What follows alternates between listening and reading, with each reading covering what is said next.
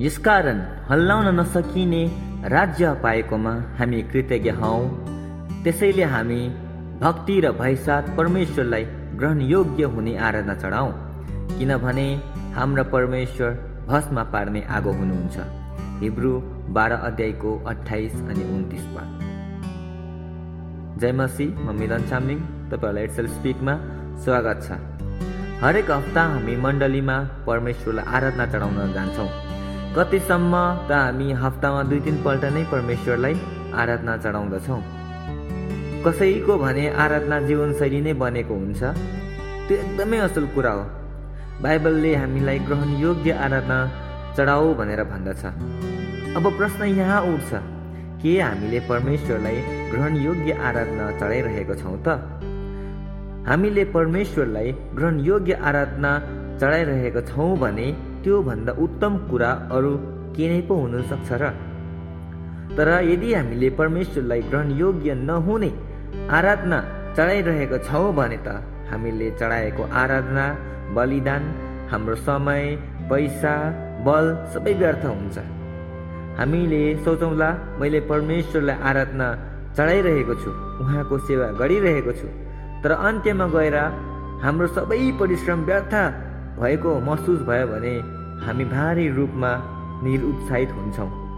के तपाईँले परमेश्वरलाई ग्रहणयोग्य आराधना चढाइरहनु भएको छ त? आउनुहोस् हामीले किन परमेश्वरलाई ग्रहणयोग्य आराधना चढाउनु पर्छ? र कसरी हामीले परमेश्वरलाई ग्रहणयोग्य आराधना चढाउन सक्छौँ भनेर यस भिडियोद्वारा बुझौँ? अनि परमेश्वरलाई ग्रहण नहुने आराधना के हो त्यो पनि बुझ्नेछौँ। किन परमेश्वरलाई ग्रहणयोग्य आराधना चढाउनु पर्छ त? किनकि हिब्रू बाह्र अध्यायको अठाइस पदले भन्छ हामीले हल्लाउन नसकिने राज्य पाएको छौँ। हामी प्रत्येकले त्यो राज्य पाएको छौँ। अब त्यो हल्लाउन नसकिने राज्य चाहिँ के हो र के होइन? आउनुहोस् हामी रोमी चौध अध्यायको सत्रमा हेरौँ। किनकि परमेश्वरको राज्य भनेको खानु र पिउनु होइन तर पवित्र आत्मामा धार्मिकता शान्ति र आनन्द हो। हामीले रोमी चौध अध्यायको सत्रद्वारा थाहा पायौँ कि त्यो हल्लाउन नसकिने राज्य के हो भनेर। र आउनुहोस् यो हल्लाउन नसकिने राज्य तपाईँले कसरी पाउनु भएको छ भनेर बुझौँ। हल्लाउन नसकिने राज्यको चार कुरा पवित्र आत्मा धार्मिकता शान्ति र आनन्द कसरी तपाईँले पाउनु भएको छ हेरौँ। पवित्र आत्मा। तपाईँलाई परमेश्वरको प्रतिज्ञाको पवित्र आत्मा बैनाको रूपमा तपाईँलाई तपाईँको हृदयमा दिइएको छ जसद्वारा तपाईँमा मुक्तिको छाप लगाइएको छ। दोस्रो धार्मिकता। हामीले परमेश्वरको धार्मिकता पाएका छौँ र हाम्रो आफ्नै धार्मिकता होइन। किनकि हामी उहाँमा परमेश्वरको धार्मिकता बन्न सकौँ भनेर पाप नचिन्नु हुने यसुलाई परमेश्वरले हाम्रो खातिर पाप बनाउनु भयो दोस्रो कोरन्ती पाँच अध्यायको एक्काइस। तेस्रो शान्ति। हामीले परमेश्वरको शान्ति पाएको छौँ। त्यो शान्ति जो संसारले दिए जस्तो होइन। र समाजले नै भ्याउन नसकिने परमेश्वरको शान्तिले तिमीहरूको हृदय र तिमीहरूको मनलाई यीशुमा रक्षा गर्नेछ। फिलिपी चार अध्यायको साथ चौथो आनन्द। हामीले परमेश्वरमा मुक्तिको आनन्द पाएको छौँ। यसरी नै अहिले तिमीहरूलाई शोक हुन्छ तर म फेरि तिमीहरूलाई देख्दछु र तिमीहरूका हृदय आनन्दित हुनेछन्। अनि कसैले तिमीहरूको आनन्द तिमीहरूबाट खोज्ने छैन। यो हाम्रो प्रभु यीशु वचन थियो यो हुन्न र त्यसो सुसमाचार सोह्र अध्यायको बाइस। हामीले परमेश्वरको हल्लाउन नसकिने राज्यको चारवटा कुरा जान्यौँ र तपाईँहरूले यो चारवटा कुरा प्रभु यीशु विश्वास गरिएपछि तपाईँले पाइसक्नु भएको छ। अब हामीले पवित्र आत्मा धार्मिकता शान्ति आनन्द पाएको हुनाले हिब्रू बाह्र अध्यायको अठाइस पदले भने अनुसार हामीले परमेश्वरलाई कृतज्ञ भक्ति र भयसाथ ग्रहणयोग्य आराधना चढाउनु पर्छ के हामीले परमेश्वरलाई ग्रहणयोग्य हुने आराधना भक्ति कृतज्ञ हामीले भैसा चढाइरहेका छौँ त? आउनुहोस् केही प्रश्न म तपाईँहरूलाई सोध्नेछु अनि तपाईँले आफैलाई जाँच्नु होला मूल्याङ्कन गर्नुहोला। हिब्रू बाह्रको अठाइस पदले भन्छ कृतज्ञ साथ परमेश्वरलाई ग्रहण योग्य आराधना चढाउँ। अब आउनुहोस् हामी हेरौँ कति हामी कृतज्ञ छौँ? आफू आफूलाई जाँचौँ यो प्रश्नबाट कि हामी कतिको कृतज्ञ छौँ? परमेश्वरले तपाईँको निम्ति जे गर्नुभएको छ के तपाईँ त्यसको लागि धन्यवादी हुनुहुन्छ? परमेश्वरद्वारा सित्तैमा पाउनु भएको धार्मिकता शान्ति आनन्द आदिको निम्ति परमेश्वरप्रति तपाईँ धन्यवादी हुनुहुन्छ। के तपाईँले परमेश्वर पितालाई आफ्नो एकमात्र पुत्र हामीलाई बचाउनको निम्ति पठाउनु भएको कारण धन्यवाद दिनुहुन्छ? क्रुसको निम्ति के तपाईँ धन्यवादी हुनुहुन्छ?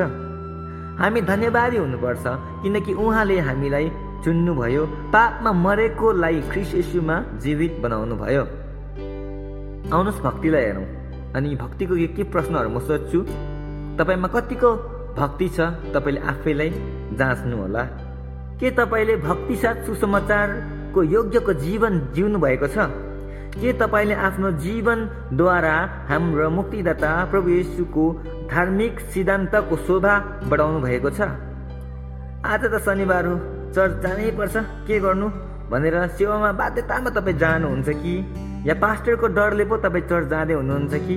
अथवा मण्डलीका कडा नियम जस्तै नाम काटिदिने दुःखमा नहेर्ने चिहान नदिने आदि जस्ता नियमको कारण तपाईँ मण्डलीमा जाँदै हुनुहुन्छ? परमेश्वरप्रति तपाईँको भक्ति कतिको छ? हामीले परमेश्वरलाई भक्ति साथ आराधना गर्नुपर्छ। कलकापमा होइन। आउनुहोस् अब हामी भैसादको विषयमा हामी हेरौँ। भैसाद प्रश्न म सोध्ने छु तपाईँले आफैलाई मूल्याङ्कन गर्नुहोला। के परम पवित्रको भय तपाईँको मनमा छ? के तपाईँको मण्डलीमा सेवा गर्दा परमेश्वरको पवित्र उपस्थिति महसुस हुन्छ? मण्डलीमा सेवा बस्दा बाहिर भित्र कतिचोटि गर्नुहुन्छ? भित्र जाडो हुँदा बाहिर निस्केर घाम ताप्दै तपाईँसँग निस्केकाहरूसँग गफ लनाउँदै बस्नुहुन्छ कि बस्नुहुन्न? परमेश्वरकै आराधना गर्नुहुन्छ कि मानिसहरूलाई मनोरञ्जन गराउन चुटकीको तालमा गीत गाउँदै मानिसहरूलाई जबरजस्ती नचाउनुहुन्छ। तपाईँको मिठो कुराले मानिसलाई भावुक बनाउनुहुन्छ कि परमेश्वरको आत्माले तिनीहरूको हृदयलाई छुनु दिनुहुन्छ। आत्मा अनि सत्यतामा उहाँको आराधना भइरहेको छ त। अब यो कुरालाई धेरै नलैजाउँ। आउनुहोस् पहिले परमेश्वरलाई ग्रहण योग्य नहुने बलिदानको बारेमा केही कुराहरू हामी हेरौँ। यसैया एक अध्यायको एघारदेखि सत्रमा हामी पढ्नेछौँ। परमप्रभु भन्नुहुन्छ तिमीहरूको बलिदानको थुप्रो मेरो निम्ति के काम लाग्छ? म त भेडाहरूको होम बलि र पालेको मोटा पशुहरूका बोसोको होम बलिदेखि अगाएको छु। साँडे थुमा र बोकाहरूका रगतदेखि म प्रसन्न हुन्न। जब तिमीहरू मसँग भेट्नलाई आउँछौ तिमीहरूले चढाएका यी थोकहरू कसले चाहन्छ र? मेरा आँगनहरू खुट्टाले कुल्ची मिल्ची गर्न कसले तिमीहरूलाई भनेको छ र? व्यर्थका बलिहरू नल्याऊ। तिमीहरूका धुप त मेरो निम्ति घिनलाग्दो छ। औँसी सभात्रा सभाहरूका साथसाथै तिमीहरूको दुष्ट जमघट म सहन सक्दिनँ। तिमीहरूका औँसीका दिनहरू र ठहराएका चाडहरू मेरो हृदयले घृणा गर्छ। ती त मेरो निम्ति भार भएका छन्। ती बोक्दा बोक्दा म थाकेको छु। तिमीहरूले प्रार्थनामा आफ्नो हात पसार्दा मेरो आँखा तिमीहरूदेखि छोप्नेछु। तिमीहरूले ज्यादै प्रार्थना गर्दा पनि म सुन्ने छैन। तिमीहरूका हात रगतले भरिएका छन्। आफूलाई धोएर चोखो पार। मेरो नजरबाट तिमीहरूका दुष्ट कामहरू फालिदेऊ। खराबी गर्न छोड भलाइ गर्न सिक न्याय खोज अत्याचारमा परेकाहरूलाई प्रोत्साहन देऊ। टुरा टुरीको रक्षा गर विधवाको पक्षमा बोलिदेऊ यसैया एक अध्यायको एकदेखि सत्रसम्म हामीले हेऱ्यौँ भने त्यहाँ परमेश्वरलाई ग्रहण योग्य नहुने प्रकारको बलिदान र आराधनाको विषयमा हामी पाउँदछौँ। परमेश्वर यस्ता आराधकहरूसँग थाक्नु भएको छ। आराधना गर्न भेला भएको भिडहरूलाई उहाँले दुष्ट जमघट भन्नुभयो जसलाई म सहन सक्दिनँ। किन परमेश्वरले यस्तो भन्नुभयो त? किनकि इजरायलीहरूले परमेश्वरलाई आराधना त चढाउँथे तर आराधना अनुसारको जीवन भने चाहिँ तिनीहरूले जिरहेको थिएन। तिनीहरूको आराधना एकातिर र उनीहरूको जीवन चाहिँ अर्कोतिर गइरहेको थियो। मन्दिरमा तिनीहरूले परमेश्वरलाई बलिदानको थुप्रो चढाउँदथे तर बाहिर गएर तिनीहरूले आफ्नो हात निर्दोषको रगतले रङ्गाउँथे खराबी गर्थे व्यविचार गर्थे टुहुरा टुहुरीको र विधवाहरूको फाइदा उठाउँथे। तर तिनीहरूले बिर्सेका थिए कि परमेश्वर बलिदानको थुप्रोभन्दा आज्ञा पालन रुचाउनुहुन्छ भनेर।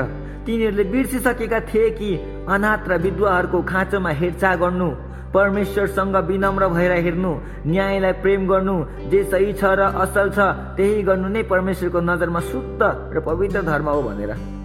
मण्डलीमा हामी धर्मी बनेर काम छैन।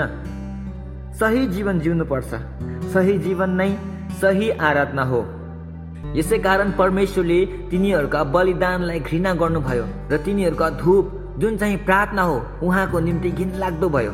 तिनीहरूले राखेका विभिन्न कार्यक्रमहरूलाई परमेश्वरले हृदयदेखि नै घृणा गर्नुभयो।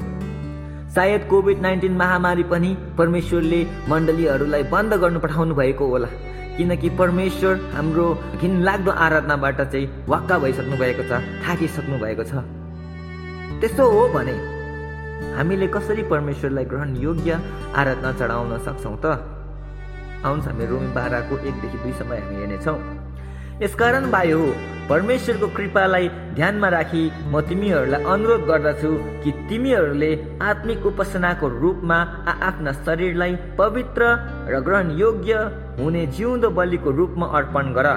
यस संसारको ढाँचामा नचल तर आफ्नो मनमा नयाँ भई पूर्ण रूपले परिवर्तित हौ र परमेश्वरको असल ग्रहण योग्य र सिद्ध इच्छा के हो त्यो तिमीहरूले जाँच्न सक आउनुहोस् हामी चारवटा बुँदा हेरौँ। परमेश्वरलाई कसरी हामीले ग्रहण योग्य आराधना चलाउन सक्छौँ र कुन चाहिँ आराधना परमेश्वरको निम्ति ग्रहण योग्य हुन्छ त्यो कुराहरू हामी चारवटा बुँदामा हामी बुझौँ। पहिलो हाम्रो शरीर। जब हामीले हाम्रो शरीरलाई परमेश्वरमा जिउँदो बलिको रूपमा अर्पण गर्छौँ त्यो परमेश्वरलाई ग्रहण योग्य हुन्छ। अनि दोस्रो संसारसँग अलग भएर जब हामी संसारको ढाँचामा चल्दैनौँ अनि संसारबाट आफैलाई अलग राख्दछौँ हामीले परमेश्वरलाई ग्रहण योग्य आराधना जनाउँछौँ।